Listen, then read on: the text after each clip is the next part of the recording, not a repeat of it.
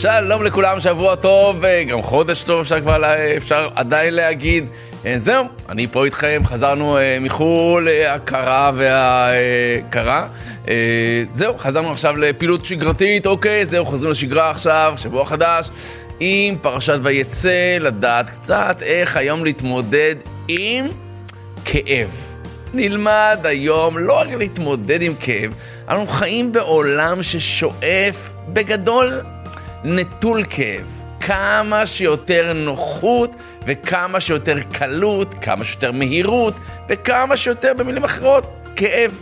ננסה להבין קצת מה התועלת שבכאב, נלמד קצת מי רחל ממנו, יעקב ולאה, כיצד אפשר למנף, או במידה מסוימת אפילו לחבק את הכאב, כדי להבין שבתוך הכאב יש לנו דברים שאולי לא נמצא אותם בשום דבר אחר. אז איתי באולפן, ברדיו, ב... רדיו קול חי, 93 FM או 92.8, יש מוטי קופרי היקר ועוז כהן פה באולפני הידברות, בשידור חי, אה, דרך ערוצי הדיגיטל השונים. ו- וזה אני, ואני פאנגר פה איתכם, יאללה, יקיריי, בואו נתחיל.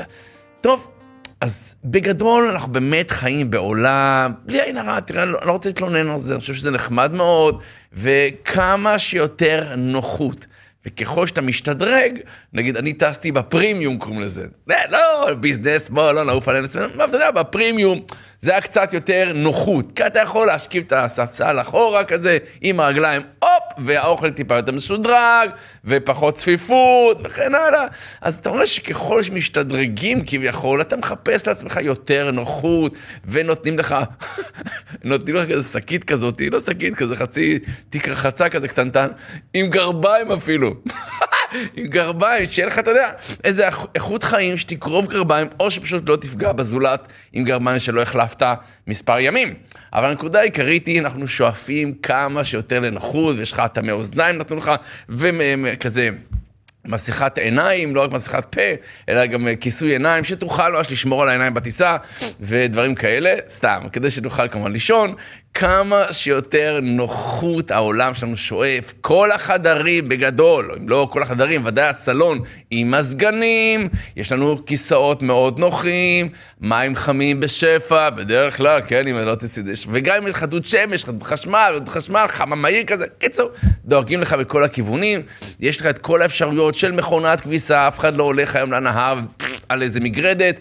בקיצור, אנחנו באמת מפונקים עד כמה שאפשר, עד שאפילו מייצרים לנו מכוניות, שלא נצטרך בכלל להשתמש בידיים, מכונית, קחי אותי הביתה, וזה מה שקורה. ולמרות שאנחנו חיים בחיים כאלה של באמת נוחות מקסימלית, עד כדי כך שכמעט כאב הוא האויב שלנו. אתה יודע, אנחנו מנסים כמה שיותר גם לגונן על הדור הצעיר. כאשר הילדים שלנו, אנחנו משתדלים כמה שיותר לגונן עליהם, שלא יחוו קשיים יותר מדי, ולא כישלונות, ולא אכזבות. שוב, זה דבר נחמד מאוד, אני לא אומר שזה דבר שהוא לא בהכרח נכון, אבל התוצאות מדברות בשטח. והתוצאות בשטח לא בהכרח מראות על דור משודרג יותר, מבחינה ערכית, אישית, אני לא מדבר על הנוחות החיצונית, אלא כאדם באדם. יותר נרקסיזם, זאת אומרת, יותר אחיזה באני ואני ואני ולייקים וכדומה, יותר דיכאון, אבל למה? החיים הרבה יותר נוחים, הרבה יותר קלים במידה מסוימת. אז מה קרה? אלא יש פה נקודה שאני חושב שאנחנו נצטרך קצת לעמוד עליה ולהסביר, שבעצם אם ננסה להיזכר, מהם הרגעים המאושרים בחייכם? אם אני הייתי עושה עכשיו עושה כתבת עיתון, והייתי הולך לראיין אנשים, מושיקו, יעלי, צילי, גילי, תגידו לי בבקשה, מהם הרגעים או הרגע המאושר ביותר בחייכם?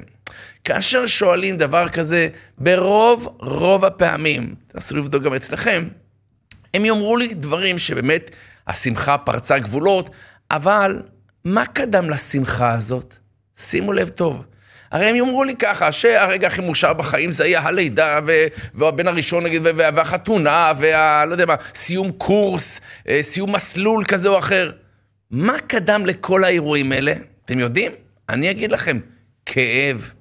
וככל שהכאב היה גדול יותר, האושר לאחריו יהיה עוצמתי יותר. האור ניכר רק מתוך החושך. אדם שלא חווה כאב, לא חווה פחד, לא חווה, אתה יודע, גם בשידוכים, עד ש... עד ש... ו... ו... ולחץ, ופתאום וואו, ואז השמחה פורצת גבולות, כי אחרי כל הוויכוחים, כל העניינים וכל ההתלבטויות וכל ה... כל ה... אז, וכן הלאה, לידה וכן הלאה, כל תהליך שבעצם אדם מרגיש שזהו, מה זה הזהו הזה? קדם לזה משהו שנקרא לו כאב, אז למרות שכל העולם שואף לברוח מהכאב, לכאב יש סיבה, כמובן שאנחנו מאמינים באמונה שלמה שהכאב גם הוא בהשגחה מבורא העולם, אבל כבר דיברנו פעם באחת התוכניות, שזה לא מדויק שהכאב הוא מבורא עולם. זה כן הכאב מבורא עולם, אבל אני הגדרתי את זה כך, אלוקים קובע כמה סבל יהיה לנו. אנחנו קובעים כמה נסבול. יש פה שני אלמנטים, יש את הכאב, נקרא לזה הגולמי, המזוקק, שזה בורא עולם נתן לנו כחיסון, בסדר? חיסון שאדם צריך בעצם לקבל מעין זריקת כאב מדודה, שעל מנת שהגוף שלו יפתח בעזרת השם נוגדנים מתאימים להתמודד עם דברים קשים יותר, קרי מחלות דומות, בעתיד. אז אותו דבר ברמה הרוחנית. כל פעם שאדם עובר איזשהו אתגר, ניסיון, קושי, מבורא עולם. הקושי הגולמי, אם אני לוקח ומנקה אותו, רק מה שאלוקים נתן לי, זה ודאי בהשגחה פרטית, וזה ודאי המינון שאני צריך לקבל. הבעיה שאנחנו מאוד מחמירים בדברים האלה, ואוהבים להוסיף על הכאב. זאת אומרת, אלוקים נותן את הסבל, אני קובע כמה אני אסבול. זאת אומרת, שאם עכשיו אני לוקח את הסבל, ויום ראשון, יש לו סבל של פקקים, לא יודע מה איתכם. אבל סבל של פקקים, ריבונו של עולם, אין לי בעיה לנסוע עכשיו לאילת, אני אומר לכם, ברכב, אבל לא לעמוד בפקקים. יפה. אז אם עכשיו אני אקח את הפקקים, וידע שזה רצון בורא עולם, ואם הווייז אומר אפילו זמן משוער בפקק, 26 דקות. תבין איזה חוויה הייתה לי היום. 26 דקות בפקק. זאת אומרת, אתה צריך לקחת הרבה אוויר לנשימה, אורך רוח ורוגע נפשי. עכשיו, אני יכול להתעצבן, איזה מדינה, איזה פקקים, וכן הלאה, וזה יגביר את הסבל שאלוקים נתן לי. אלוקים נתן לי את הפקק הזה מבחינתי, בסדר? עכשיו, כל סבל מיותר שאתם מוסיפים, מתעצבנים על עצמכם, ולמה קמתי מאוחר, ואשתי לא העירה אותי, לא, לא אצלי, אני, אני כאן לפני כולם, מה שנקרא, אבל לצורך העניין, לא יודע מה, הרכב, אני, הסבתא, למה אני צריך את זה בכלל? מי... כל סבל שאתם מוסיפים, זה כבר החמרה שלכם, אתם רוצים, תעשו את זה, אתם לא רוצים, אל תעשו את זה, אבל זה לא, לא רצון הקדוש ברוך הוא. ולכן מבחינתנו, יש כן סיבה לכאב ולסבל. ובואו נגדיר את זה ככה, בתוך כל כאב שיש לכם, יש גם פוטנציאל. יש פה משהו שמאחורי הדבר הזה יכולים, יכולות להיפתח דלתות שלא נפתחות בשום צורה אחרת. ולכן, גדולי העולם היו מקבלים גם בשלוות נפש דברים שלא היו הולכים כמו שהם רצו. לדוגמה קלאסית, אצלנו בפרשה. אצלנו בפרשה, כאשר יעקב אבינו, כולם מכירים את זה, הוא עובד שבע שנים על מנת להתחתן עם רחל. תבינו, זה יעקב אבינו. אנחנו יודעים שהיום רוצים לשבת ללמוד תורה, רוצים, אתה יודע, לרבי שמעון בר יוחאי במערה, להיות פרוש מן העולם, אתה יודע, להתמקד ברוחניות נטו. יעקב אבינו צריך להיות רועה צאן? סליחה? הוא צריך לעבוד שבע שנים אצל בוס כמו לבן? מה? זה השפלה נוראית, אבל בסדר. כדי לזכור להתחתן עם רחל אימנו, הוא מוכן לעשות הכל. והוא עובד שבע שנים. איפה היית לפני שבע שנים, יקיריי? אתם יודעים כמה זמן זה? זה לא... בסדר, אבל והיו בעיניו כימים אחדים, ובסופו של דבר מגיע רגע מאושר אחרי כאב שבע שנים. והרגע מאושר, סוף כל סוף, תן לי לקצור פירות, תן לי ליהנות מעמל כפיי. ובסופו של דבר, הרי לבן, אבא של אשתו, מחליף לו את, האח... את האישה. נכון, וירא, והנה היא לאה. כאילו, מה זה? מה זה הדבר הזה? תקשיב, אבל בואו נקרא לכם שנייה איך יעקב אבינו מגיב, בסדר? אומר הפסוק ככה, ויהי בבוקר, והנה היא לאה. כאילו, שלום עליכם, אתה מבין? יעקב אבינו קם בבוקר, מה זה? מה זה? נו, מה היית עושה? מה היית עושה? בלי רעיונות, בואנה, אני שורף לו את החווה. שורף לו את החווה חצוף אחד. לוקח את רחל, בואי, בואי, בואי נלך מפה. אם הוא פותח את הפה אבא שלך, אני לא יודע מה אני עושה לו עכשיו. אני שולח לו כלבים, אני שולח לו. מה זה הדבר הזה? שבע שנים עבדתי. כאילו, לא יודע, לא, לא, לא, לא יודע מה להגיד, אני פשוט נעלמתי דומיה, אני לא יודע מה להגיד. עדיף שאני לא אגיד, כי אני פה מעצבים. נכון? ככה אני, חס ושלום, אני הייתי מתנהג ככה, לכאורה. יעקב אבינו, ויהי בבוקר והנה לאה, ויאמר אל לבן. בסדר? לא ויצעק על לבן, ולא ירים על לבן כיסא, לא, ויאמר אל לבן, מה זאת עשית לי? תשמעו איזה עדינות. אתה לא מדבר ככה לי, לאבא שלך נראה לי, נכון? בינינו עכשיו. ויאמר אל לבן, מה זאת עשית לי? הלא ברחל עבדתי עמך, ולמה רימיתני? למה רימיתני? מה זה הלשון? כביכול, אני רוצה להתחזק, אבל תראה איך יעקב מדבר לשוור, אתה מבין? בסדר, הוא, אתה מבין, הוא, זה מקח טעות, הוא עבד עלינו, סיפר סיפורים, אני אתן לך חצי דירה, אני אתן לך דברים כאלה, שום דבר, החליף לך, את האישה החליף, יואו, איך הוא לוקח את זה באורך רוח כזאת? איך אפשר? מה זה הדבר הזה? אלא, יש פה יסוד שאומר הרלב"ג. הרלב"ג אומר לנו כך, רבי לוי בן גרשום. נפטר בדרום צרפת, בפרובנס, מה שנקרא, ב-1344, כמדומני, זה יום הפטירה, זמן הפטירה שלו. הוא כותב כך, אני מצטט לכם, התועלת התשעה עשר. הוא מביא תועלות שיש להן כל מיני סוגי, של, כל מיני סוגי תועלת שאנחנו מקבלים מהפרשה, שאפשר ללמוד ממנה, ובתועלת התשע עשרה הוא כותב כך, ראוי לאדם שיהיה שמח בחלקו שנתן לו השם יתברך. קודם כל, תהיה שמח במה שהשם נתן לך. יפה, בעזרת השם. למה אומר? כי כבר יקרה שמה שיחשבו האנשים בלתי נבחר, פירוש הדבר, מה שאדם חושב, היה פה טעות, החליפו לי, נתקעתי בפקק, למה זה קורה לי, למה דווקא עכשיו, מה עם הקורונה, וכן הלאה. כי כבר יקרה שמה שיחשבו האנשים בלתי נבחר, הוא יותר נבחר לפי האמת. אומר לך הרלב"ג, קודם כל תבין היסוד, לא מה שאתה רואה בלי לפגוע בך, אין לך לא רוח הקודש וגם אתה לא נביא ואף אחד לא יודע את העתידות. ממילא, בדור שלנו לפחות. הנקודה העיקרית שמה שאתה חושב, איך הלך נגד רצוני? למה זה קורה לי? זה לא נבחר מה שנקרא. הממשלה הזאת, סתם, לא יודע, עליה עד שלא נדבר, כי נראה לי, זה חוץ, חוץ מהממשלה כביכול, לא יודע, סתם. בקיצור, אז אומר, כי כבר יקרה שמה שיחשבו אנשים בלתי נבחר, הוא יותר נבחר לפי האמת. לדוגמה, איפה הדוגמה? תראה לי הוכחה הרב, בבקשה. הלא תראה, אומר, שיעקב היה בוחר ברחל יותר מלאה. הרי ברור שיעקב אבינו, למרות שזה יעקב אבינו, בסדר? עם כל רוח הקודש, הנביאות, הצדקות, הכל. הוא רצה את רחל, נכון? הוא לא רצה את לאה. אבל הראהו הקדוש ברוך הוא, כי יותר נבחרת הייתה לאה אל התכלית, אשר בעבורו הייתה הכוונת בלקיחת האישה, והוא הולדת הבנים. אומר לך הרלב"ג, בואו נראה עכשיו שורה תחתונה. שורה תחתונה, הרי רחל ולאה היו עקרות, בסדר? זאת אומרת, אם הוא מתחתן נטו עם רחל, מאוד ייתכן שלא היה להם ילדים כל ימי חייהם.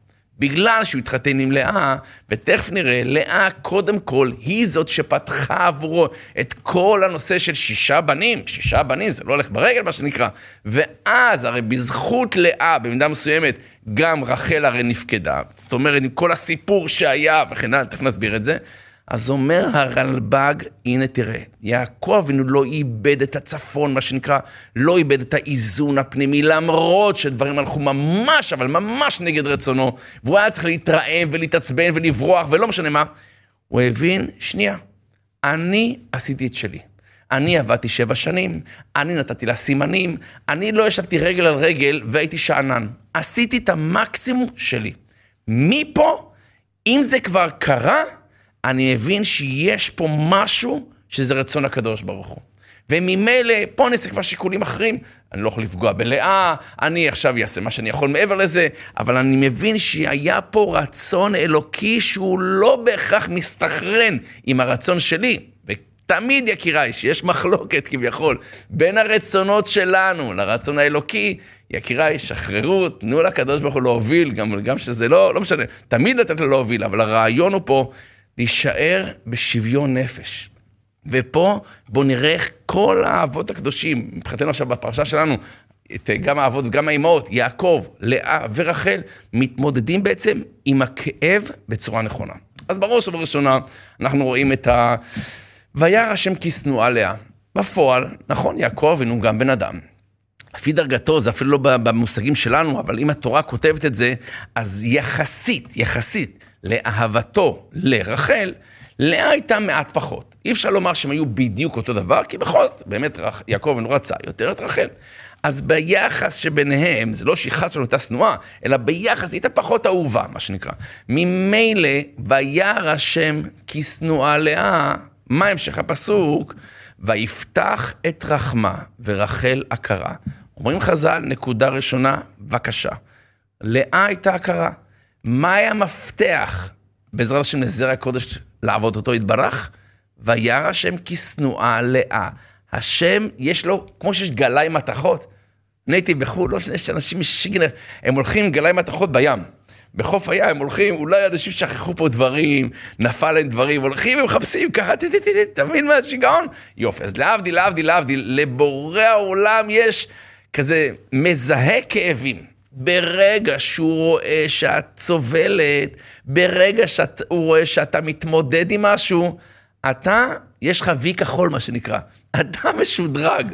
אתה קיבלת עכשיו VIP. VIP, אתה מסודר עם אלה שהם ב-first priority, מה שנקרא, בעדיפות הראשונה. ואם אם עכשיו הולך לרדת שפע לעולם, מי שסובל, אתה בין הראשונים, יקיריי, נכון? לכן וירא השם כי שנואה לאה, ויפתח את רחמה. זאת אומרת שאדרבה, לפני כן היא לא יכלה לרדת, ועכשיו היא יכולה. יופי, נהדר. יש רוצים להגיד שזה בבחינת כמו הבורח מהכבוד, הכבוד רודף אחריו, זאת אומרת דווקא אם אדם, מה שנקרא, הוא, הוא מאחורנית, הוא, אלוקים יקדים אותו להיות ראשון. אותו דבר רחל אימנו. רחל אימנו זוכה להיפקד מסיבה אחת עיקרית, אומר הפסוק, ויזכור אלוקים את רחל, נכון? ויפתח את רחמה. מה זה ויזכור אלוקים את רחל? זה לא חס ושלום כאילו נזכר, אוי רחל, שכחתי ממנה לגמרי, מה קורה פה? חס ושלום. אלא הכוונה היא כך, אנחנו יודעים הרי שבגלל הכאב שנגרם לרחל, אנחנו דיברנו על הכאב שנגרם ללאה, שזה שהיא פחות אהובה, אנחנו מבינים, אבל לכאורה הכאב העוד יותר גדול הוא של רחל, שוויתרה מלכתחילה על יעקב. אז שום כאב לא הולך לאיבוד, שום סבל, שום ויתור לא נעלם אי שם בעננים. הכל נרשם, עין רואה ואוזן שומעת וכל מעשיך וכאביך. אני מוסיף כמובן, בספר נכתבים, ולכן ויזכור אלוקים את רחל. מה הוא זכר? אומרים חז"ל, זכר את הסימנים שהיא מסרה, כאב נורא. אבל הכאב הזה הוא בעצם מפתח, הוא תשלום למשהו שאתה הולך לקבל לאחר מכן. כל כאב שאתה סובל כרגע, הוא פתח תקווה להרבה מאוד דברים נוספים. אז נכון שאנחנו בפתח תקווה עכשיו באולפן, אבל אנחנו צריכים גם פרסומות, ולכן אנחנו נצא להפסקה קצרה וכבר חוזרים.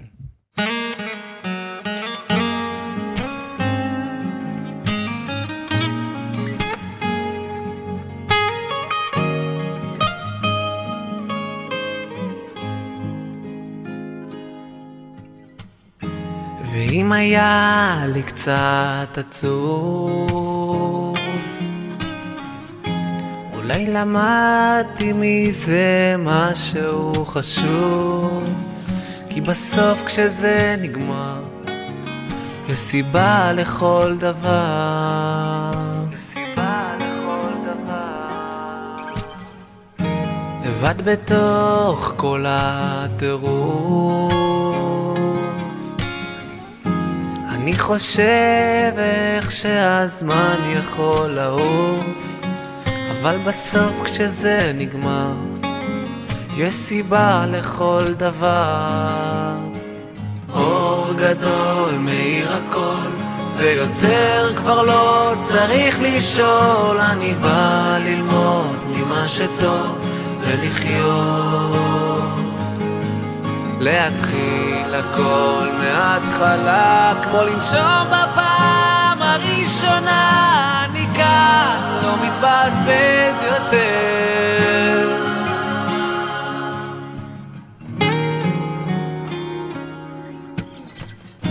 ואם יכולתי רק לזכור לכל אחד יש את הדרך לעבור, אבל בסוף כשזה נגמר, יש תשובה לכל דבר. אור גדול מאיר הכל, ויותר כבר לא צריך לשאול, אני בא ללמוד ממה שטוב ולחיות. להתחיל הכל מההתחלה, כמו לנשום בפעם הראשונה, כאן, לא מתבזבז יותר. כאן לא מתבזבז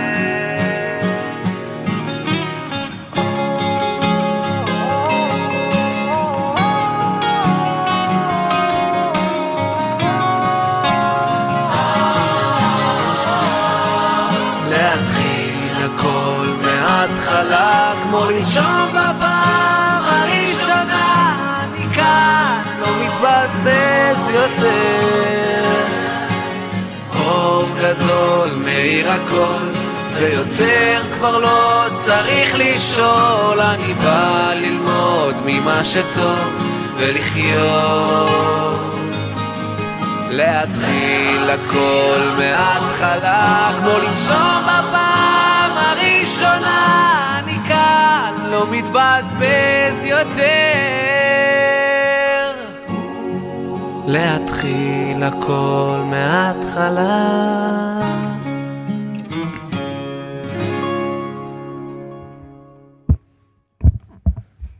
תודה רבה שחזרתם אלינו, ואנחנו בעזרת השם לומדים היום קצת... אה... לכאורה חיים ללא כאב, זה מה שהיינו רוצים. אבל אנחנו לומדים את התועלת שבכאב על הצד, ויש. אז אמרנו שקודם כל הכאב הוא חלק מהחיים, ולא רק חלק מהחיים. אם נבדוק אחורנית רגעים מאושרים ביותר בחיינו, היה לפניהם כאב כזה או אחר, כאב של ציפייה, כאב של פחד, כאב של אה, אכזבה, כאב של מאמץ מאוד גדול, ווואו, אנחנו אחרי זה, וכדומה. זאת אומרת, הכאב, אנחנו תכף נדבר על זה גם ברמה הפרקטית, יש לו הרבה דברים שבעצם לאחר חושך, האור הרבה יותר מוערך. מצד אחד. מצד שני, אנחנו חיים בעולם כמה שיותר נוח ומרופד, ומנסים לרפד לעצמנו, לילדינו, ויש בזה היגיון, כי אנחנו רוצים סך הכול להגן, אבל אולי אנחנו קצת גם מנוונים, אולי אפילו קצת, חס ושלום, מחלישים, כי אם אדם לא מתאמץ ולא עושה שום דבר בחייו, והכל כאילו מרופד, כשהוא יקרא למצב שהוא יצטרך להתאמץ, או שיהיה איזה כישלון, או איזה סטירת לחי, יכול להיות שהוא יתרסק, כי הוא איננו מחושל מספיק לעבור את החיים כפי שהם. אז למדנו שלמעשה בכאב טמון אוצר. יש בו מפתח שאולי שום דבר אחר לא יכול לפתוח את הדלתות אלמלא הכאב.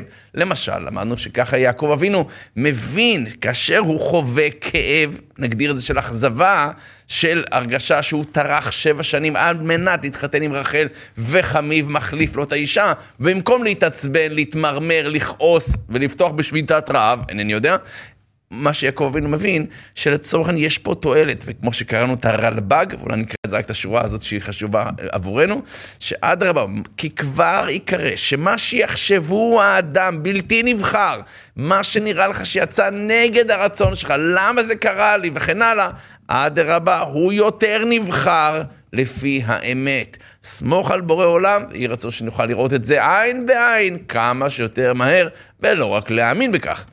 וזאת היא הסיבה גם שראינו שר... שלאה זוכה להיפקד לפני רחל. מדוע? שוב, סבלה כאב. וירא השם כשנואה לאה, אמרנו שהייתה טיפה אפילו, אצלי על פית המיליגרם, פחות אהובה אצל יעקב אבינו, ממילא אלוקים מסמן כל אחד שהוא אה, סובל כאב כזה או אחר, זה ה-VIP, זה המחלקה היותר משודרגת אצל הקדוש ברוך הוא, וממילא התועלת והשדרוגים מגיעים בהתאם, ולכן היא זוכה להיפקד ששתיהן עקרות, גם רחל וגם לאה, הרבה לפני רחל, ואנחנו רואים גם את כמות הבנים, שישה אל מול, בסופו של דבר, שניים, שגם הם אצל רחל, הם מגיעים שוב בזכות כאב. ויזכור אלוקים את רחל, מה הוא זכר? שהיא מסרה את הסימנים במסירות נפש, כאב עצום שפותח את השערים לאחר מכן, אבל כיוון שזה התאזן עם הכבוד והאהבה שקיבלה מיעקב אבינו, אז הכאב הזה בעצם התמתן, ולכן זה היה התוצאה שניים אל מול שישה, כביכול, אחת הסיבות. לענייננו עוד דבר אחד מאוד חשוב. אם כבר הזכרנו את זה, בואו קראנו את הרלב"ג, בואו נקרא דבר אחד ממנו ואנחנו יוצאים לדרך לדברים נוספים. הוא אומר כך, קראנו את התועלת ה-19 מקודם, בתועלת ה-20 הוא מסכם לנו מה שדיברנו כעת. והוא אומר כך, והוא לפרסם עניין השגחת השם בשפלים. זאת אומרת, אחת, אחת הסיבות שאנחנו מספרים פה את כל הדברים בפרשה, זה ללמד אותנו איזשהו שיעור, הוא קורא לזה תועלת, בללמוד ולפרסם את השגחת השם, לא רק בעולם, לא רק השגחה פרטית על כל צד ושעל, אלא בעיקר על השפלים. והוא שהוא רואה דמעת העשוקים. ולזה סיפרה התורה שכבר ראה השם יתברך יתעלה, כי שנואה עליה, הנה אנחנו חוזרים לדוגמה הראשונה, ונתן לה ריבוי בנים, לפייס את נפשה ולמשוך אליה את אהבת בעלה. אז נכון שזה דיבור בשפה שלנו, כי לכאורה, אבל אנחנו רואים שזה גם היה אצל האבות, בשורשים שבשורשים. ככה זה עובד, בורא עולם משגיח, כנראה, מה שנקרא, אנחנו מבינים את זה, ש... תפילה לעני כי יעטוף. אז מי שסובל ברמה כזו או אחרת, אני מבין שקשה, אני מבין שאני מעדיפים להתחלף, אבל בואו נייקר את הזמנים האלה, כי יש להם תועלת. אבל גם ברמה הפרקטית, יש תועלת בכאב. בואו ניגע בארבעה דברים. דבר ראשון, בואו נקרא לזה שכאב מעניק משמעות לדברים. מה זאת אומרת? תארו לכם עכשיו שסיום הש"ס, ללמוד את כל התורה כולם, היה קלה קלות.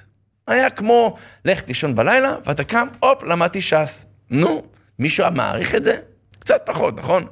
אני אומר לכם, אני שהייתי בארצות הברית, לקח אותי טרמפ, לא טרמפ, כאילו הסיע אותי משדה התעופה, אה, יהודי יקר מאוד, שם עבד השם כזה חמוד, הלוחית רישוי שלו זה אפילו אלס גיט, כאילו הכל טוב, אחי, הכל טוב, נהדר. והוא לומד הרבה מאוד מהש"ס ודאי בגרסה.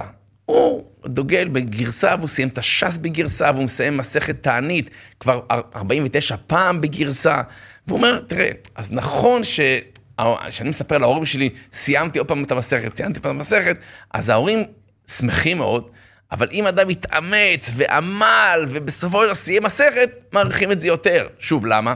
בגלל המאמץ. אבל בשורה התחתונה, תכלס, אני סיימתי את הש"ס, הוא אמר, אז גם על זה מגיע כל הכבוד, כי גם זה קשה. בוא נראה אותך מתמיד עכשיו ללמוד שבע, שבע דפ, שבעה דפים ביום, וכדומה, לא שאני, הוא עשה את זה בצורה כזאת של שני דפים ביום, תוך שלוש וחצי ש, אה, שנים, אבל הרעיון הוא מאוד פשוט. דווקא דבר שבא בכאב. וככל שהכאב הזה היה יותר גדול, כמו כידוע הסיפור של הסיום של דף אחד אצל רב משה פיינשטיין עם המתאגרף, מי שמכיר את הסיפור הזה, שזה היה אבא של אחד הילדים, שבעצם היה לו קשה מאוד ללמוד, אבל הוא למד וניסה, ובסופו של דבר סיים דף אחד. אבל הם עשו סיום מסכת כביכול לדף הזה, עם שמחה עצומה, כאילו, כאילו, למה? הוא סיים דף אחד, מה אתה, אתה קורא את זה ברבע שעה? נכון, אבל עבורו זה היה קשה, והוא התאמץ מאוד, אז כאב גורם לערך של דבר, ככה זה בכל העולם כולו. אם אדם יסיים מרתון רק בפיהוק, סתם הוא מפהק, והוא כבר סיים את המרתון, אז אף אחד לא יעריך שהוא רץ מרתון, או כל דבר כזה או אחר. לדוגמה, ב-2014 למניינם, החליטה קבוצה של אנשים לגייס כסף למחקרים, לתרופות, ניסיון לתרופות יותר נכון, של מחלת ה-ALS כידוע, של מחלת הש... הניוון שרירים לעולם עם ישראל, והשם ישלח רפואה שלמה לכל מי שסובל מהדברים הללו. מחלת ה-ALS למעשה מחלת חשוכת מרפא, אין הרבה מה לעשות. אבל הרעיון העיקרי, אז רצו לקדם. אז מה עשו כדי לגייס כספים?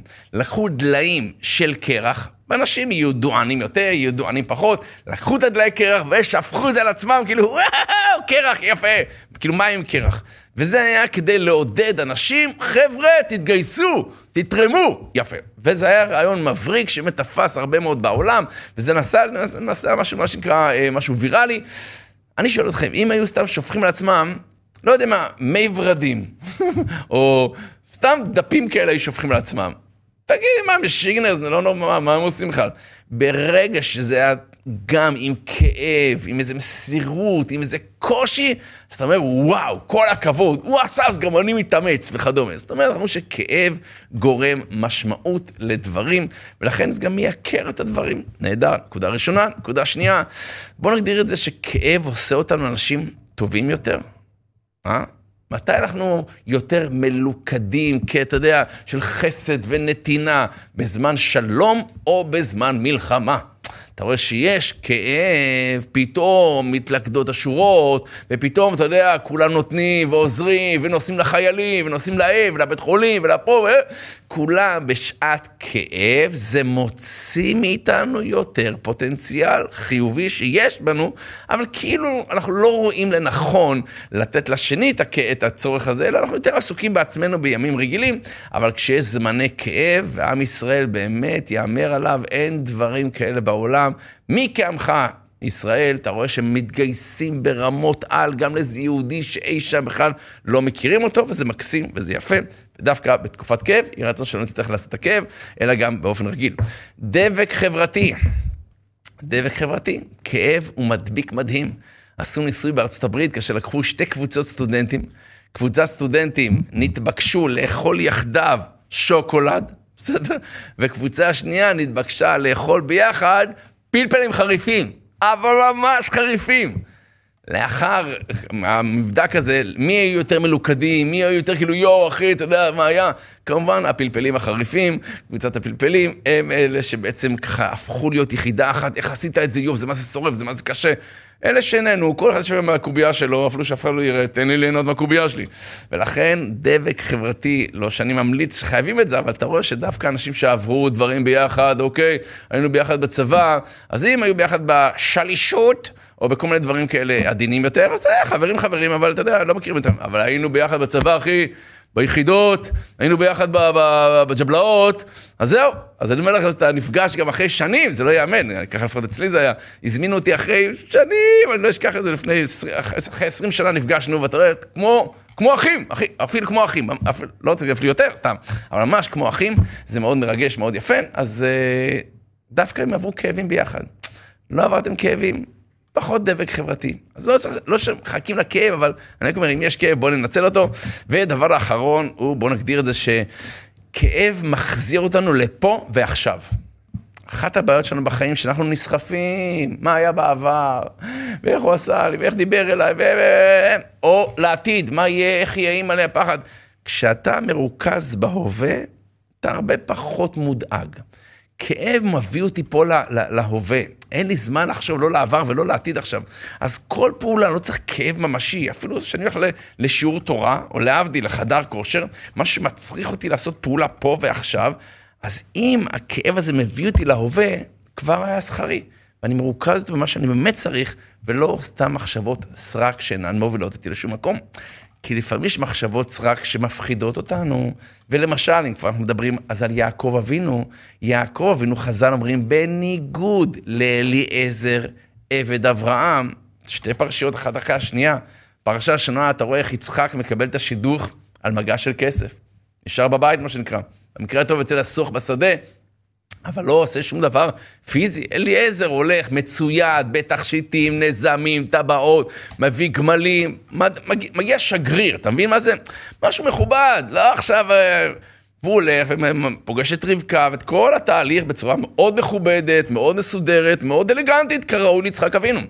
יעקב אבינו, הרי הוא מגיע כאחרון הנמלטים. מה, מה זה חס ושלום, כמו, אתה יודע, זה נמלט מלחמה, הוא בורח כי עשיו רוצה לרצוח אותו. והוא לוקח איתו קצת ציוד, אבל בשלב מסוים, כידוע בחז"ל, לא רוצה לספר לכם, אבל אליפז, הבן של עשיו, תופס אותו בדרך, וכאשר בעצם עשיו, אבא שלו, שולח אותו במשימה, הרוג אותו, רצח אותו. אתה מבין, יש שכיר חרב רודף אחריך? רק מהפחד אתה מאבד את הצבע בפנים, מה שנקרא. וכאשר הוא נפגש איתו, אתה מבין שעכשיו אליפז מקבל הוראה, גמור אותו. אבל חז"ל אומרים, בגלל שהוא היה, הוא למד קצת אצל יצחק אבינו. אז משהו נשאר, גם אם אדם ירד מהדרך, יש משהו נשאר. וממילא הוא מסכים לא לרצוח את יעקב אבינו, הוא רק שודד אותו, תודה רבה, נכון, זה גם עדיף, ואז הוא מקיים את ציווי אביו, כי עני בעין חשוב כמת, אז כביכול הוא הרג אותו. בפועל, שורה תחתונה, עשיו, עשיו, אה, להבדיל יעקב, מגיע בלי כלום. תחשבו, הוא מגיע בלי שקל, כלום. עכשיו הוא יגיע ללבן, והוא יגיד לו, אה, אני יעקב אבינו. כאילו, תבין, אני הבן של אה, זה, הנכד של. הוא לא יאמין לו, הרי אין לו תעודת זהות, נכון? הוא לא יכול... מי, מי זה אתה? בוא נבדוק בפרופיל, איך, איך ידעו, איך הוא ידע שזה יעקב אבינו? תחשבו איזה הרגשה, וכידוע, יעקב אבינו בשלב מסוים מגיע לניסיון. מגיע לניסיון שנקרא לכם את חז"ל שאומרים שבעצם הוא מגיע לאיזושהי הרגשה של אשא עיניי אל ההרים. והוא אומר לעצמו, אשא עיניי אל ההרים, אל תאמר אל ההרים, אלא אל ההורים. איך ההורים שלי התחתנו? יצחק ורב... זה היה עולם אחר. עם, עם, עם אליעזר והכל, אז מה יהיה איתי? מאין יבוא עזרי? הרגשה של חוסר אונים מוחלט אבל. ואז הוא נותן לעצמו תשובה. מה התשובה? עזרי מעם השם, עושה שמיים וארץ. שמעתם? עזרי מעם השם, עושה שמיים וארץ. הוא לא אומר, אני אעשה קומבינות, אני אסתדר כאן, יהיה בסדר, אני לא יודע מה, שום דבר. תשובה אחת הוא נותן לעצמו, בהתחלה הוא מפחד, זה, הוא בן אדם כביכול. חז"ל אומרים שהיה לו כן הרגשה של פחד, אבל הוא מחזק את עצמו, עזרי מעם השם, עושה שמיים וארץ, זה מה שאני צריך. אני צריך רק אותך, בורא עולם איתי. וחז"ל אמרו שאדרבה, כשהוא הגיע הרי, בשלב הזה, ויפגע במקום, בורא עולם משקיע את החמה. שקיעת חמה טרם זמנה, נהיה חושך, חושך! למה הוא עשה חושך? אומר המדרש שבורא עולם חיבה את האורות, כביכול, אני רוצה להיות עם אהובי לבד. אני רוצה להיות עם יעקב אבינו, אל תפריעו, אל תפריעו לי, מה שנקרא. ואז יעקב אבינו מתקן תפילת ערבית. אתה יודע למה? מכיוון שחושך, אתה יכול לפרש אותו, הנה השם לא רוצה אותי. הוריד את השלטר, אחי.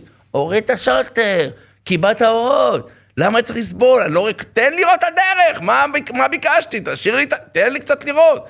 לא, בורא עולם מבין שיעקב אבינו צריך עכשיו את הרגע הזה של לחזק את עצמו, שגם כי ילך בגיא צל מוות לא ירא רע, כי אתה עמדי. לדעת שגם בתקופה של חושך אתה מתקן תפילת ערבית. כי אתה מבין שאדרבה, לא שהקדוש ברוך הוא סגר לך את האור שהוא לא רוצה אותך, בדיוק ההפך.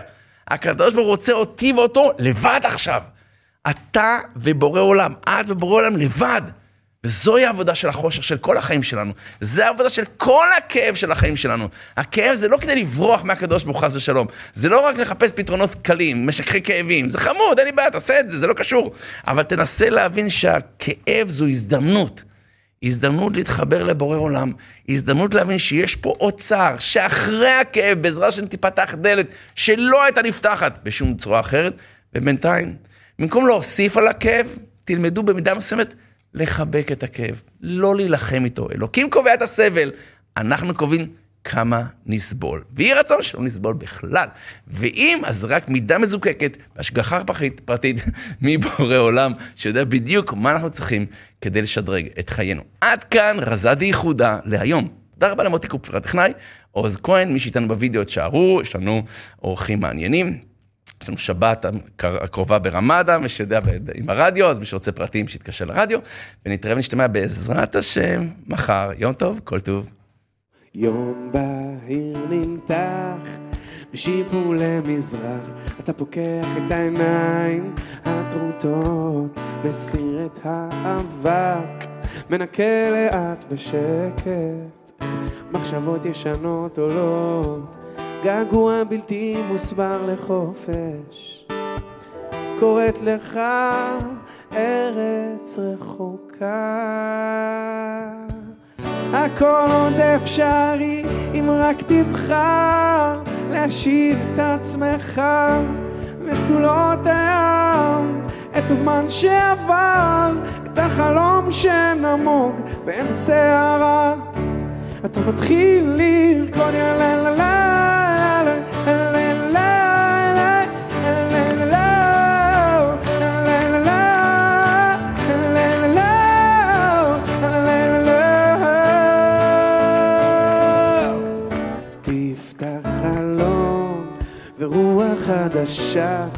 תלטף את שערך, תזכיר לך שהתקווה לא ברחה לשום מקום, היא רק קצת מסתתרת בתוך לבך.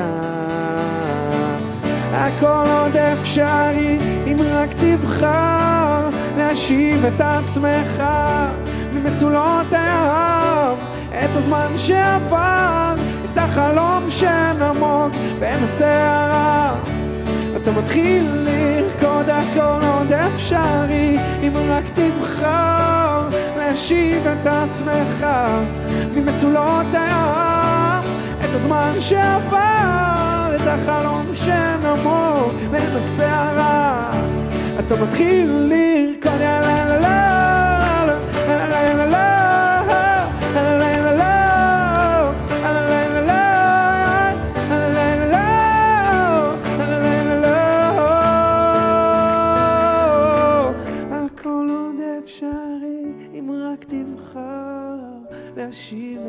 עצמך. ממצולות הים את הזמן שעבר את החלום שנמוג בין הסערה. אתה מתחיל לרקוד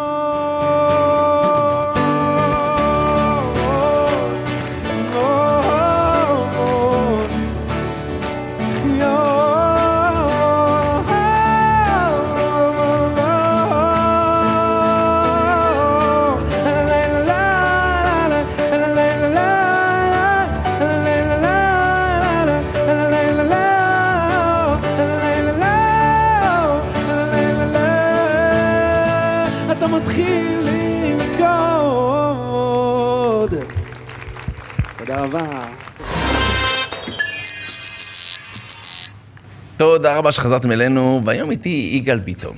יגאל ביטון, מפיק מוזיקלי, אמרגן, אתה יודע, ב... בשנים שגילו את העולם של אה, טבע, כביכול טבע, אוקיי? אתה יודע, בטבע קצת, מסיבות, עניינים, אוקיי? אה, דור קצת משוגע, דור שאתה יודע, או- מסיבות ענק, וואו, 200 אלף איש, לא, אתה מבין, משהו, כמה בחדר. הצלחה מאוד גדולה, אתה יודע, טיסות יומם ולילה, כאילו, איפה אני בכלל בעולם? לכאורה, על פסגת הר ה... לא יודע איזה הר, לא משנה, עדיף שלא נגיד. אבל בשלב מסוים משהו קורה, ואחרי, כבר, היום כבר אחרי 14 שנה, מנהל יקב בצפת, חוויה הדיבורים שלי, בוא נשמע ממנו. בוקר טוב, בוקר טוב. מה שלומך יגאל? ברוך השם. אלף טוב שבאת מצפת, זה... ולאימא, אז זהו, כן, כן. תהליך. ספר לי קצת על יגאל. טוב. איפה יגאל נולד? הגענו באשקלון. לבית אה, סוג של מסורתי, אבל פחות מסורתי. זאת אומרת, כבר היה אז ירידה מאוד גדולה. אבא שלי תמיד היה הולך לבית כנסת וזה, אבל אני הייתי פחות. אפילו עד, עד שלב של ממש אה, בועט בהכל ואתאיסט לכל הכיוונים. בגלל החינוך שלמדתי בבתי הספר וכולי. וגמרתי, סיימתי צבא, טסתי לפנמה, גרתי בפנמה כמה שנים עם ההורים כי הם היו בשליחות. חזרתי לארץ, למדתי קצת, נסעתי אחרי זה, גרתי במקסיקו. בזמן שהייתי במקסיקו גם uh, הקמתי חברת הפקות למוזיקה, למוזיקה אלקטרונית. ולאט לאט uh, בניתי גם חברה, חברה שהיא חברת uh, תקליטים, לייבל, סוג של לייבל, וקיבצתי אמנים שהם בשורה הראשונה של העולם. לאט לאט גדלנו, ואז בשלב מסוים, אחרי ארבע שנים שהייתי במקסיקו, החלטתי לחזור לארץ. אוקיי. פה הרמנו את החברה הזאת עוד יותר. לגבהים, ובאמת, כמו שהתחלת, ממסיבות טבע, אנחנו היינו החלוצים שהעברנו את המסיבות טבע ממש להפקות ענק. גם בארץ, גם בעולם, היה לנו משרדים בהרבה מקומות כל בעולם. מדובר על הרבה כסף, או ש... הרבה מאוד כסף, עלמא דשיקרא ביג טיים. ביג טיים. ונוסעים הרבה, טסים הרבה, עובדים הרבה, הרבה מוזיקה, הרבה חיי. כל החיי השואוף למיניהם, מועדונים פתוחים, כל הסלבריטי, כל ה... השם באמת, יגאל ביטון היה פותח שערים, מה שנקרא. פותח שערים, אבל אה, אני דווקא הייתי נשאר בחוץ תמיד. אה, כן. כן, היו מכירים את השם, אבל את הפנים לא. הבנתי. אבל אה, כל השאר שאיתי היו נכנסים. וואו, הבנתי. ואז בשלב מסוים, מה, מיצית... אה? זה לא כל כך מיציתי, האמת שלא מיציתי. אוקיי. היה לי חיים מאוד מאוד טובים שם, מבחינת. לחיות במקום הזה. אוקיי. וכל מה שרציתי להשיג, השגתי. זאת אומרת, היה, אם רציתי להשיג משהו, הייתי שם מטרה מסוימת, משיג אותה. באמת הגענו לגבהים מאוד מאוד אה, חזקים ב, בעולם המוזיקה הזה. איזה גיל אתה? גיל 35. אוקיי. גיל 35, עם חברה מבוססת, רווק. רווק, איפה אין סיכוי בכלל להיות רווק, סתם. זה היה חלק מהעניין. כן. ואז בגיל 35, משהו כזה, 35-36, חלמתי איזה חלום מאוד מאוד מוזר בלילה, שהתעוררתי צוחק. אוקיי. ואחי הגדול חזר בתשובה 25 שנה לפני, וואו. ואחי הקטן חזר בתשובה חמש שנים לפני. שמתי טלפון לאחי הקטן, קודם כל. גם הגדול הוא כזה, בפנים הקטן. דינים כזה, אתה יודע. אז אז הרמתי טלפון לקטן. אתה תגיד לי, מה זה שאני חולם ואני מתעורר בלילה? התעוררתי ממש צוחק פיזית. אוקיי. אז הוא אומר לא יודע, אני חדש בעניינים, תרים טלפון לעמרם, אחי הגדול. הרמתי טלפון אליו, אז אמר לי, הנשמה שלך התעוררה. אוקיי. אמרתי לו, כן, מה זה אומר? אז הוא אומר לי, סע לאומן. זה היה שבוע לפני ראש השנה. וואו. אמרתי לו, מה זה אומן? לא יודע, לא מכיר כלום. אז הוא אומר לי, סע לאומן. עכשיו, הוא ליטאי, באותה תקופה במיוחד, ליטאי ליטאי, כאילו שאומן מבחינתו זה מוקצה. אוקיי. סע לאומן. לא יודע איך. מתוך שינה, עדיין אני ישן, אחרי לילה של מסיבות בכלל. הייתי באומן באותו לילה. מהאומן לאומן. זה ה... ואז, אה, מתוך שינה, מה שאני מרים טלפון לסוכן נסיעות שלי, תכין לי כרטיס טיסה לאומן. לקייב. אוקיי. טוב, מכין את הכרטיס טיסה, מתי? עוד שבוע מהיום, חזרתי לישון. לבד? כן, אה, הזמנתי את הכרטיס, רבע שעה אחרי חזרתי חזרה לישון, קמתי בבוקר, המשכתי את הניהול של החברה שלי, הכל כרגיל, בלי כלום. ואז אחרי כמה ימים מרים לי טלפון לסוכן נסיעות, אומר לי, אתה יודע שעוד יומיים יש לך טיסה לקייב. קייב, מה יש לי לעשות בקייב? אומר לי, טסים לשם מבחינת עבודה. אבל אמרתי לו, תשמע, הייתי שם לפני כמה חודשים. כבר סגרנו את כל העניין של השנה הבאה, הופעות, לכל האמנים וכולי. אין לי מה לעשות בקייב. אוקיי. אז אומר לי, לא, יש לך כרטיס טיסה. לא זכרת מה שדיברתם? לא זכרתי בכלל. יש לך כרטיס טיסה. ואז פתאום נופל לי האסימון. אמרתי, וואו, איפה אני נוסע בכלל? מה יש לי לעשות שם? ואז אה, אמרתי את זה לאח השני שלי, אמרתי, תשמע, יש לי חבר שהאח שלו כל שנה נוסע לאומן, תדבר איתו, עושה לך מקום לישון, אה, זה, אמרתי, בסדר. דיברתי איתו, אמר לי, תבוא, תהיה איתנו, הכל בסדר. לא. יומיים אחרי, אני זוכר את עצמי יושב על המדרגות בבית, מזמין מונית, ואז בתקופה הזאת, איזה חודש לפני, מישהו הביא לי את התקליט של אה, תיקון הכללי. שמתי אותו באוטו ושמעתי אותו המון. לא יודע למה, אבל המוזיקה עצמה, וה... ה- בגלל שגם הייתי מתעסק במוזיקה, אמרתי, תשמע, יש פה איזה משהו וואו. מיוחד. אני נכנס ל... מגיעה מונית, אני אומר, אוקיי, ניכנס למונית, ואני עדיין לא מבין למה אני נוסע, ואני אומר גם, תשמע, אולי גם לא תיסע. זאת אומרת, תגיע לשדה תעופה, יש מצב שאתה לא נוסע. אוקיי. אני נכנס למונית, יש שם נהגת מונית בת 52 אז, עם התקליט, עם התיקון וואו. הכללי מתנגן. מעניין. אמרתי, או, מה קורה פה? ואז היא אומרת לי, לאיפה אתה נוסע? אמרתי לה, לאומן. אמרתי, תעשה לי טובה, תתפלל עליי. וואו. אמרתי לה, מה זאת אומרת תתפלל עליי? אמרתי, תשמע, אני בת 52, לא נשואה. לפני שבוע פגשתי את הגבר של החיים שלי, ואני מאוד מאוד מפחד שזה לא יצא לפועל. זה השם שלי, תתפלל עליי. רשמה לי את השם, לקחתי אותו, אמרתי, טוב. אני נוחת בשדה תעופה, אני יוצא, אני רואה את כל הבלאגן, לפני ראש השנה. אוקיי. מה קשור אליי? לא מתאים לי, לא... אז אמרתי, טוב, אני חוזר חזרה, אני לא נוסע, אני לא... זה הכל שם ממש... לא יודע, אני מסתכל על הפתק, היא אמרה לי, תתפלל עליה. וואו. אתה... טוב, נעלה. מה שיהיה, יהיה כבר. נראה. איכשהו צלחתי את זה, נסעתי, הגעתי לקייב, המזוודה לא מגיעה. טוב, אומן. המזוודה לא מגיעה, אני נשאר בקייב, לוקח מלון בלילה, נשאר שם לישון, לא יודע כלום. ממש לא יודע כלום. מתיישב שמה, טוב, לקחתי מלון, מגיע למחרת בבוקר לשדה תעופה, המזוודה עוד לא הגיעה. מחכה, מחכה, מחכה. מרים לי טלפון, שי, החבר הזה. אומר לי, איפה אתה? אומר לו, בקייב. אומר לי, מה אתה עושה בקייב? אז אמרתי לו, עוד לא הגיע להם מזוודה. אז הוא אומר לי, כן, ועוד שעתיים נכנס החג. אמרתי לו, אין. בעיה, תגיע מזוודה. ניקח אותו, אני אגיע. כאילו, זה לא עובד ככה פה. בחג. צריך לבוא לפני החג. אמרתי לו, אז מה אני עושה? הוא אומר לי, תעזוב אותך, קח מונית עכשיו, תטוס לאומן, שם, יהיה פה, נסתדר. טוב. עליתי על מונית ספיישל, צ'יק, טסים לאומן, מגיע, אני מוצא את הבן אדם, איכשהו באחת הסמטאות שם, הוא צועק לי מרחוק, אתה מקבל באהבה? אמרתי לו, מה? אתה מקבל באהבה? אמרתי לו, הכל באהבה, הכל בסדר, מה, איך מתקדמים? אומר לי, בוא, אני אראה לך איפה אתה ישן עם החבר'ה. טוב, אני גם מקצר את זה, כי זה ממש... הוא לוקח אותי למטה, הוא אומר לי, פה, מכניס אותי לתוך איזה קונטיינר, קונטיינר. ממש קונטיינר. הוא אומר לי, פה אתה ישן. אני איזה כורסה כזאת עם זווית. אבל מה פה אני ישן? אני פה אתה ישן. אני עכשיו, אני רגיל מלונות חמש כוכבים, טיסות, עניינים, הכל מסודר לך, אנשים שעוזרים. פה אני ישן. טוב, פה אני ישן, פה אני ישן, בסדר. אחרי חמש דקות הוא אומר לכל החבר'ה, תשמעו, הוא הגיע בלי, אה, בלי בגדים, בלי זה. עכשיו, אני עם חולצה שחורה, עם גולגולת מאחורה, עם פייטים. אומר לכל אחד, טוב, תוציאו לו דברים. זה מוציא מכנסיים, זה מוציא חולצה, זה מוציא זה, זה מוציא... תוך עשר דקות אני שחור לבן. עם כיפה שחורה. אמרתי, אוקיי, מה קורה פה? כאילו זה... אוקיי. הכל במהיר. ואז אמרתי, טוב, מה עושים? אז אומרים הולכים לציון, לקבר של רבי נחמן. כאילו, מה זאת אומרת לקבר של רבי נחמן? לציון, לקבר של רבי נחמן. הוא לא חי? לא. אתה יודע שאני מגיע לאיזה רבה. אני אמרתי, רבי. אמרו לי, לא, הוא לא חי. אמרתי, מה? הגעתי עד לפה לקבר? בחיים לא הייתי בציון לפני זה, אף פעם לא הלכתי לשום ציון בשום מקום. אוקיי. אמר לי, כן. טוב. מגיעים לכניסת חג, אני רואה אנשים תלויים מהגג. אנרגיה וואו. של ריקודים, של שירה, שלא חוויתי בשום מסיבה שעשיתי בחיים, ועשיתי מסיבות ענק. וואו. שאתה רואה 200 אלף איש קופצים, ואתה אומר, בואנה, יש פה אנרגיה פי עשר יותר חזקה. עכשיו, בעיניים שלי אני רק מסתכל על האנרגיה שיש במקום, לא מחובר בכלל לתורה. אני מסתכל, אני, אני בכלל מסתכל על המקום, איפה אני שם את הבוקסות, איפה שם את הרמקולים. אם אני עושה פה מסיבה, איפה אני שם אותם? מה קורה פה? ואז אני רואה שירה, והמקום בוער, עולה ויורד. תשמע, זה חזק. אוקיי. בחיים לא במקום כזה חזק.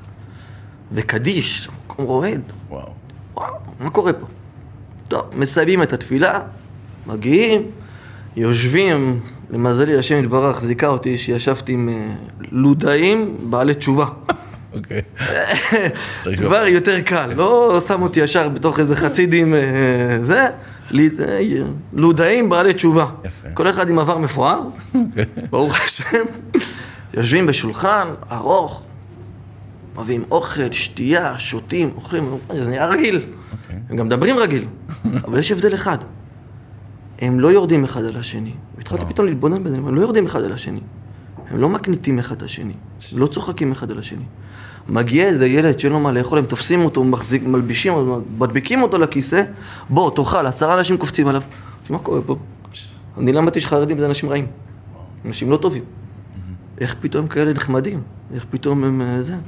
ואתה רואה פתאום עזרה אחד של השני, וכל מי שחסר לו משהו ישר, אוקיי. כבר זה שונה מהמקום שבאתי ממנו. המקום שבאתי ממנו מקום מאוד כן. מלחמתי. בכלל, כל העולם של השואו ביזנס למינו. כל מלחמה, הכל אה, אגו, ואגו ברמות מטורפות. אז פתאום אתה מגיע ואתה רואה פה משהו יותר נחמד, בהוויה שלו. אוקיי, סיימנו את הארוחה, צחקנו, שתינו, תשמע, כיף, נחמד. לא יודע מי יחזור בתשובה, אבל נחמד. ואז שאלתי אותו, תשמע, אם אני רוצה להגיע לציון, בבוקר להתפלל, באיזה שעה אני צריך להגיע, לתפוס לי כיסא? כי לעמוד אני לא אעם. אז הוא אמר לי, שלוש בבוקר. אמרתי, אוקיי, טוב, זה לא יקרה. לא יקרה, מתי? הוא אומר, אחרי זה יש לך מניינים בחוץ, תתפוס משהו. אני הולך, יושב על ה... ישן בכורסה שלי, שלוש בבוקר אני נופל. וואו. רבנו מפיל אותי. נופל, ממש נופל, פיזית, בום. אוקיי. מתעורר, פותח את העיניים, שלוש, על השעון. אוקיי, התעוררת כבר, לך לציון. הולך לציון, מתיישב, תופס לי כיסא, אני לא יודע כלום, כן. שום דבר. פותח סידור, מתחיל לקרוא מההתחלה עד הסוף את הכל. וואו. קדיש, קדושה, הכל, זה הכל, הכל אומר. אה. אין איזה, הם עומדים, אני עומד. אוקיי. עכשיו, הם עומדים בעמידה, אני עומד. פסוקי דזמרה, אני עומד איפה שאני עומד. הם יושבים, אני יושב. ככה, משעה שלוש עד שעה אחת. וואו. ואני קורא, רק קורא, לא. ותהילים, הגעתי גם לתהילים, קראתי גם תהילים. הכל, כל הסידור, מה שיש, קורה. מסתיימת התפילה, אני יוצא משם, הגיע, אתה מרגיש חוויה מאוד מאוד מאוד חזקה. מאוד חזקה, אבל עדיין, לא בגלל זה נחזור בתשובה עדיין. זה נחמד, זה טוב, זה אוקיי, יש לך עוד משהו לחשוב עליו בחיים, אה, זה, זה לא רע, זה לא מה שלימדו אותך, ובאיזשהו מקום, אני מאמין שלכל בת תשובה יש את זה באיזשהו מקום, חקר האמת. האמת נמצאת בפנים באיזשהו מקום, ואם אתה מחפש את האמת, אתה תמצא אותה. מה אל- קורה פתאום? ואז אמרתי, אוקיי, יש פה איזה משהו שכאילו, התחלתי להרגיש בפנים, שיקרו לי הרבה מאוד זמן מהחיים. וואו. כאילו, כי את זה אמרו לי, אל תתקרב. עברנו את היום, היה נחמד, נהיה טוב, תשליך. הגענו לתשליך. מגיע לתשליך. עומד בנהר של אומן עם כל אלפי אנשים, מחזה מדהים. ומתחיל לקרוא את התשליך, אני עושה את התשליך, ואז פתאום כל החיים שלי עוברים לי מול העיניים. וואו. כל החיים שלי. הכל. שלב, שלב, שלב.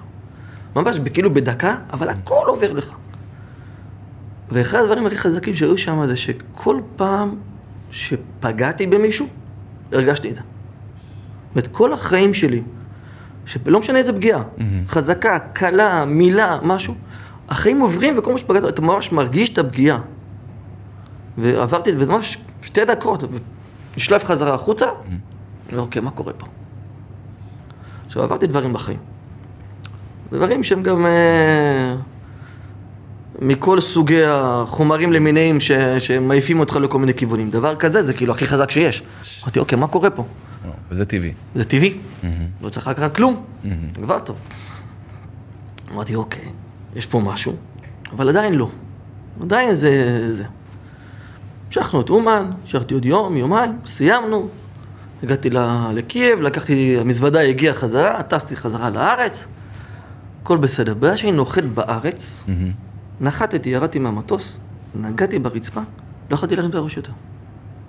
לא יכולתי להרים את הראש, פשוט קיבלתי איזה אור מסוים של אה, זה, לא יכולתי להרים את הראש. אני הולך, עובר ב... בביקורת דרכונים, אני נותן לה את הדרכון, היא אומרת לי, תרים את הראש, אני לא, אני לא יכול להרים את הראש. אני צריך לזהות אותך, אני מצטער, תזהיו אותי ככה, אני לא יכול להרים את הראש. ממש ככה, ואז אחרי שהתעקשה, עשיתי ככה דקה, הורדתי את הראש. כאילו, שנייה, הורדתי את הראש, נכנסתי פנימה. הגעתי לבית, לבית שלי, ואז דבר ראשון שחיפשתי זה ספר. אוקיי. ספר של שם. תורה, משהו. והיה לי ספר אחד שם שאחי נתן לי מתנה ליום הולדת לפני כמה שנים, בחיים לא פתחתי אותו. אפילו קראתי את ההקדשה. זאת אומרת, פתחתי, ראיתי שהקדשה בכלל. אמרתי, וואו, תנא דב אליהו. וואי. הגעתי, פתחתי אותו, התחלתי לקרוא. לקרוא, לקרוא, לקרוא, לקרוא, לקרוא, לקרוא, בלי להפסיק. דקה. בבוקר קמתי, אמרתי, אוקיי, מה עושים עכשיו? והמקום היחידי שידעתי שיש ספרי קודש זה בשנקין, למעלה, למעלה עגבנייה. לא ידעתי בכלל שיש בני ברק. עד כדי כך, באמת, לא ידעתי שיש בני ברק. לא ידעתי שיש דתיים, גרים בירושלים, לא ידעתי שיש בני ברק, ממש ככה.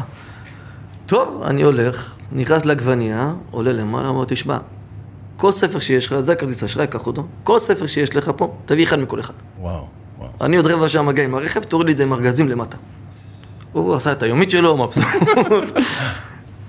אוקיי, אני מגיע, הוא מגיע לשם, יש לי את כל ה... זה, כל הספרים בתוך האוטו, אני חוזר חזרה לבית, נכנס, לא יוצא מהבית חודש. וואו, רק יושב וקורא וקורא וקורא חודש, וואו. בלי להפסיק. והכל, הכל מהכל. לא מפסיק. קצר. איך... איך הגעת למה שאתה היום? יצאתי משם, אוקיי. הדבר הראשון שעשיתי אחרי החודש הזה, הלכתי לשותפים שלי בחברה, לקחתי את המפתחות, אמרתי להם, תשמעו, זה המפתחות של החברה, וואו. זה כל הביזנס, תודה רבה להתראות, אני הולך לישיבה. וואו, וואו. נסעתי, למזלי, איך הם הגיבו? היו בהלם, מה קרה? רגע להשתגע. מה זה, מה קרה לו? ניסו, חברים, עניינים, תשמעו, הבן אדם איבד את זה. איבדתי, איבדתי, או שמצאתי, משהו אחר. ואז נסעתי לירושלים לאחי, אה, נכנסתי לשמחתי הרבה לישיבה של הרב יוסף בן- פורת, אה, אשרי איש. כן, למדתי שם שלוש שנים. וואו. באותו, בדיוק בזמן הזה, בטבח הזה, החברים שלי מתל אביב הכירו לי את אשתי. עכשיו, הם הכירו לי אותה כי הם אמרו שהיא יותר מאוזנת. זאת אומרת, היא התחילה לשמור שבת, והייתה בתל אביב כזה. זאת אומרת, היא מאוזנת, היא תאזן אותו. ברוך השם, היא הגיעה איתי לירושלים בסופו של דבר, התחתנו, היא הגיעה איתי לירושלים, למדה במדרשה, היום היא צדיקה גדולה. באמת. ואז, אחרי שנתיים, שלוש שנים שהיינו בירושלים, העיר חזק, קשה לנו. ואחרנו שאנחנו נוסעים לצפון, לגור בצפת. היה לי עוד עסקים אחרים, בסין, ופה, שם, טיסות, הרבה טיסות עדיין. כשהגענו לצפת אמרתי, אוקיי, אני לא טס יותר. אני לא יוצא מהעיר, הזאת אני לא יוצא יותר, לא רוצה לצאת יותר. מה עושים? אשתי אמרה לי, "ת- אתה אוהב להכין יין, הייתי מכין קצת יין בבית. תפתח יקב. וואו, זה מה שלך יקב בצפת.